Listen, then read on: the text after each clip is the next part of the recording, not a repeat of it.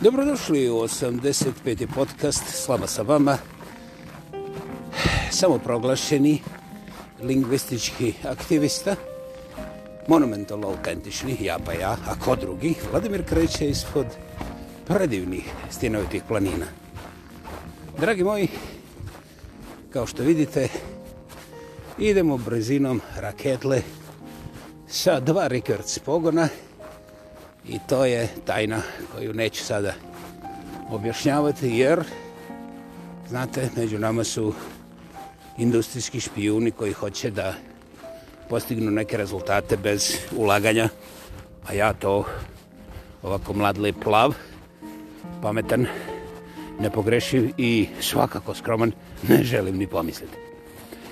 Mi imamo dilemu, možda čak i dvojbu, edukacija ili nacija.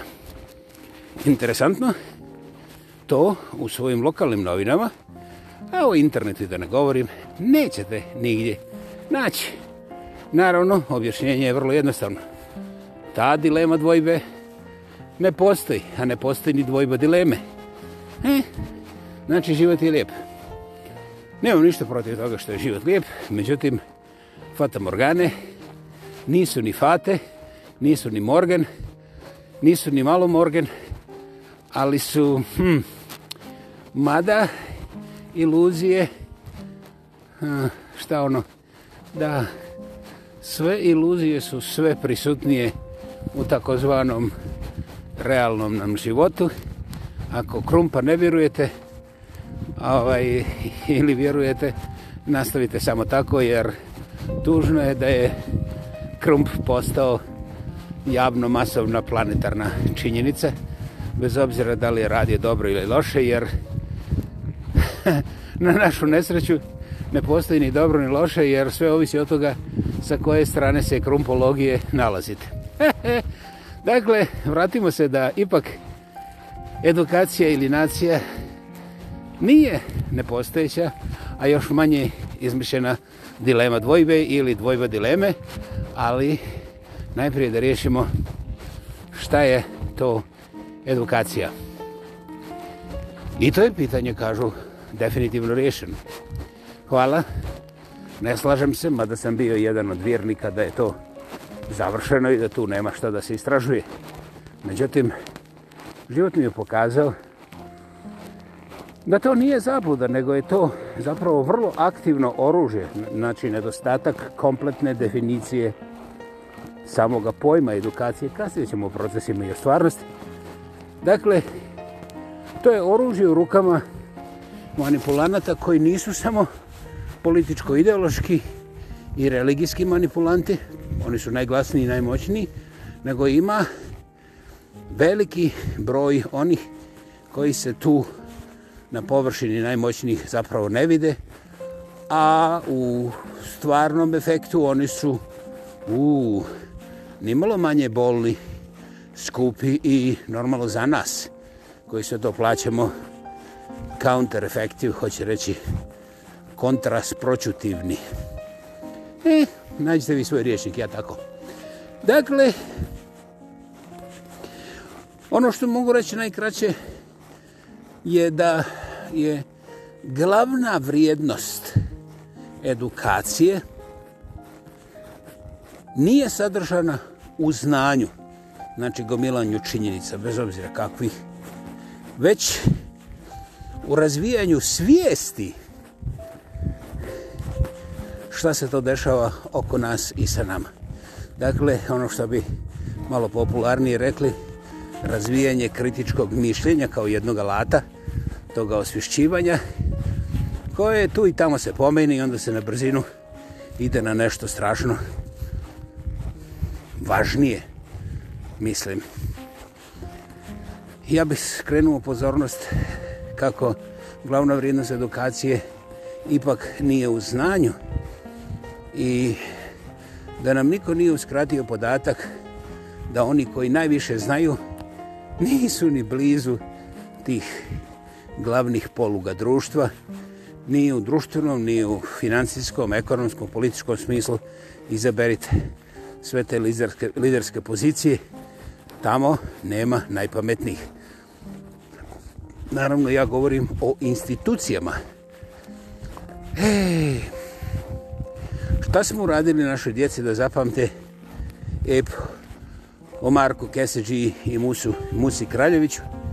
Ja ne znam, ali ovdje u Kravogradu sreo sam jednoga magistra tehničkih znanosti koji i dan danas ponavlja kad je počela Kosovska bitka i kako je taj profesor njegov bio nemilosrdan da mu to utovi u glavu jednom za sve vremena, jer on čak nije ni objasnio, ali koliko sam je uspio sa strane da vidim, taj njegov profesor je bio apsolutno uvjeren kada taj mladić utuvi sebi šta se desilo prije koliko 650 godina, 670, ovaj, da će onda on postati moćniji, snažniji, zadovoljniji, uspješniji, da će ono ženski trčati lomeći noge same sebi da stignu takvoga jednoga znanstvenika.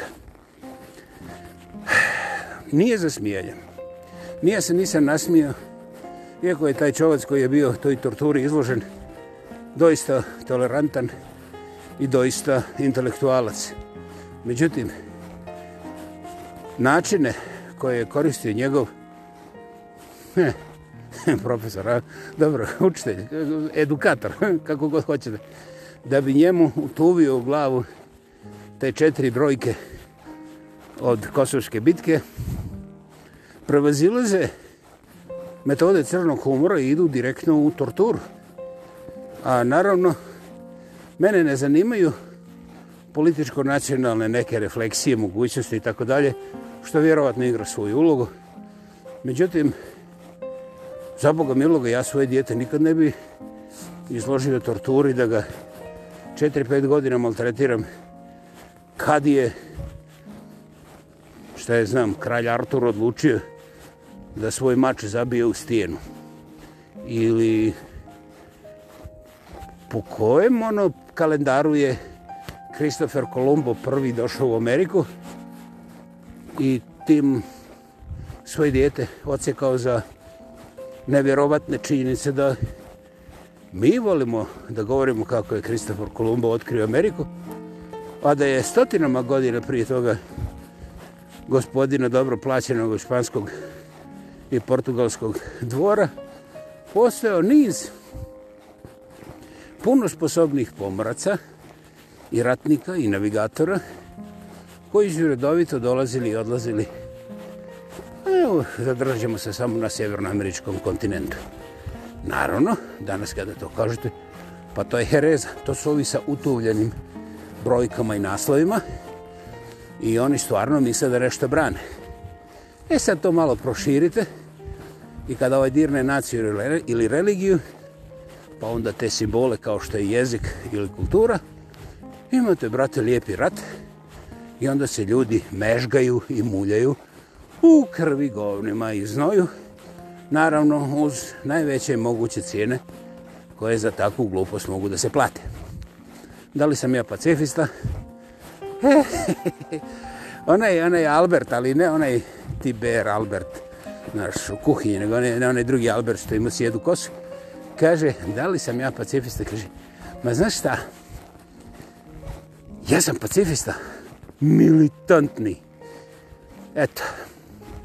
Dakle, edukacija u kojoj mi ganjamo našu djecu da prošire svoju memoriju kao stari 486 Pentium i da pređu sa megabajta na gigabajte je u stvari čak i na, i na mašinama nasilje jer one imaju nekakav svoj kapacitet koji se tu i tamo može unaprediti, ali je najbolje zaboraviti Pentium jedinicu, pa promijeniti kompletnu motherboard i ići za multiprocesorski, multicore procesor koji onda ne razgovara na nivou megabajta i gigabajta, već, već se naginje ne samo terabajtima, nego i nečemu drugome, što je doslovce u oblacima znači cloud computing.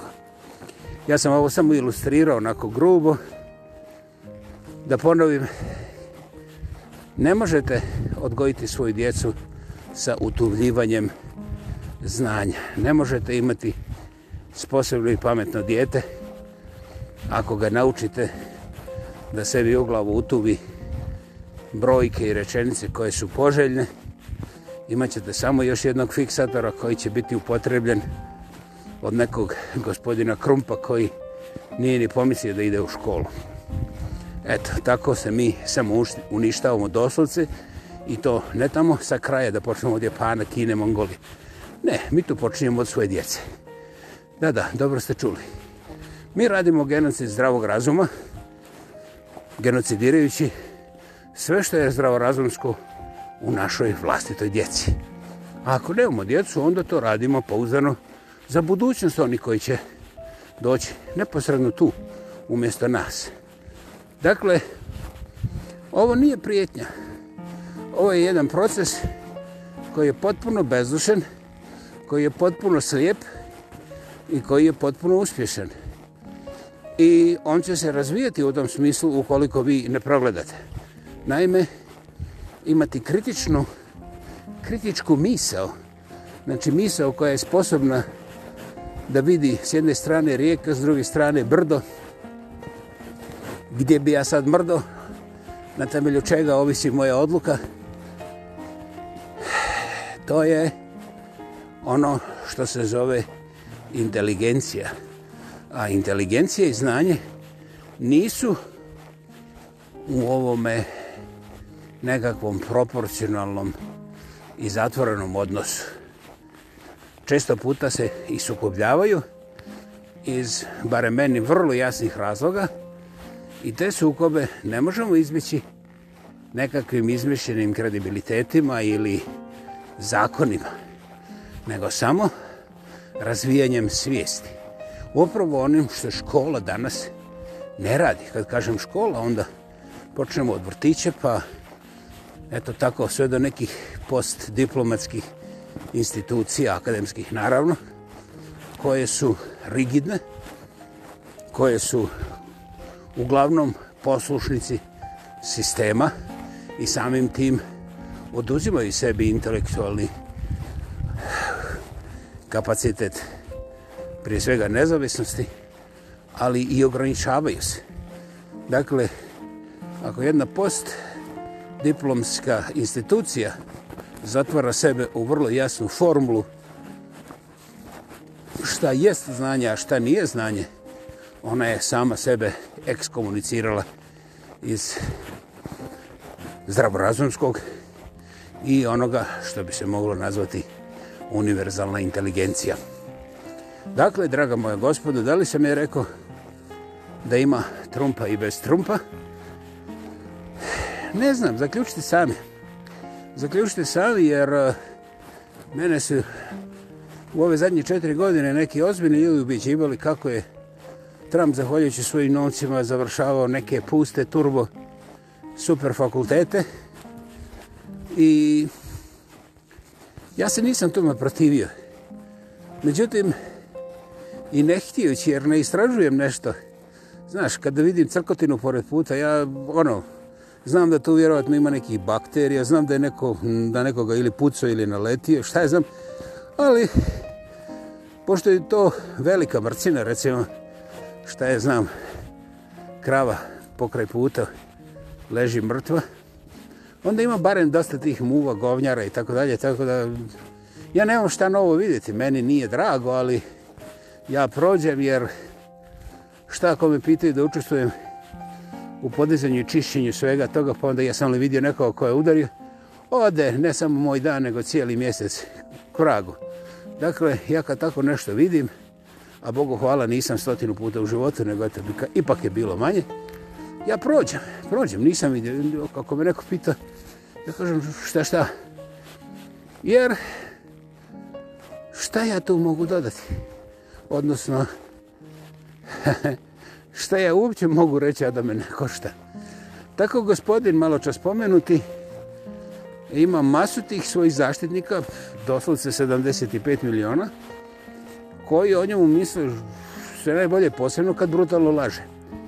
I ovaj, i to je moje, ja sam vjerovatno ljevičar kineskog podrijetla, jer vidim laž, a ovi drugi ne vide. I to vrlo inteligentni ljudi, inteligentni od mene. I onda počinje uveđivanje zašto ja njega mrzim. Ja kažem, ljudi, ja nisam znao da sam kineski komunista, mislim, hvala vam što ste me prosvjetili. Ali ja i dalje nekako, kad vidim ovo 1 plus 1, jednako je 7, znaš, ha, uvijek sam sam nječar, nije, nije mi jasno, mislim, ima viška, znaš, nečega. Odnosno, ima manjka, isto toliko nečega. I oni meni, o, pa ti uvijek nešto o činjenicama. A slušaj, takvi smo mi kineski komunisti. I, ovaj, I onda ja istoga ovaj, jednostavno zahvalim Bogu što mogu da živim ovaj, od onoga što imam, da mi ovaj ne mora prisipati, ovaj, da ne moram ići kod njega da ga molim za večeru. I onda, htio ili ne htio, gledam usput i vidim da taj čovac nikad nije bio zainteresiran za znanje. Ovaj, njegovi timovi su bili sastavljeni od ovih uh, ove gospode što znaju kako biti uspješan. I ta uspješnost je uvijek imala vrlo jasno mjerenje prema količini dolara, prema poziciji u smislu stvaranja još više dolara, osujećivanja onih drugih koji bi mogli dodirnuti te dolare i onda u krug, znaš, Naravno da je sve u tome posebna priča bila posvećena poziciji u toj društvenoj, na toj društvenoj ljestvici, na kojoj je, je li, pozicija kralja, ono, baš najbolje, jer odatle skupljaš šta ti se sviđa, ne moraš nikome ništa objasniti. I to je najpoštenije, mislim, uspješni ljudi. I tako misli 75 miliona ljudi. Ovaj, ne znam gdje se izgubilo ono ono ljudsko, mislim što će meni pet ručaka kad ipak ne mogu pojesti ni ovaj prvi onda zašto se ja vozim u svemirskom brodu kad moji susjedni podmornicu nema i znam što neke glupe kršćanske stvari da ne spominjem to nisu pitanja zašto? zato što svako od ovih 75 miliona ima za sebe projekcije jednog dana kad ja budem Trump, onda ću ja vama još i više zategnuti taj lanac ili već kako se lova cijedi za uspjeh. Gospodo, sretno. Ovaj, ja vam neću govoriti koliko se ja smatram počašćenim što sam izvan vaših redova, pa čak Nikad vam neću objasniti da ja zapravo nisam nikom munjara, nikad nije bio, a još manje sam kinez, međutim, ako vi kažete da sam dvostroki kinez, ja se slažem, idemo dalje. Eto. A, dakle, edukacija je perfektan alat za one koji se nikada neće educirati, i koji će uvijek znati već od svojih djetinjih dana kako se laktom i debelim obrazom sve to dovede u nivo koji njih zanima. A milioni iza njih imaju vrlo jednostavnu opciju. Ili se složiš, pa onda ložiš, imaš žrtve. Svi ovi drugi koji nisu satovom su tvoje žrtve, imaš pravo da ih cijediš, napadaš, pljuješ znači izživljavanje je besplatno i normalno da im to naplatiš. I onda jednog dana, ako to dobro radiš, ti ćeš biti Trumpa umjesto Trumpa. Naravno, ovaj princip nije otkrio Trump. Nekada davno je to ovako na širem i važnijem planu bio kalif, pa je onda došao kalif umjesto kalifa i ovaj Kasnije su sve to preslikavali. Da li ja govorim da je gospodin Trump musliman? Ne. Tako glubih i zatucanih muslimana još uvijek nema. Mislim, ima par kandidata, ali vidjet ćemo kako se razvijaju. Dakle, šta sam ono htio reći? Ljudi moji, uživajte tamo gdje jeste. Ako navijate za gospodina o kome smo ovdje tralalajsali, uživajte. Zašto vas briga boli za druge? Vi ćete živjeti doživotno i to je garantirano. Ja znam da niko od vas neće umriti prije nego što crkne. Ovo ovaj, i mislim da neće živjeti dulje nego što je vrijeme određeno nečim. Ha!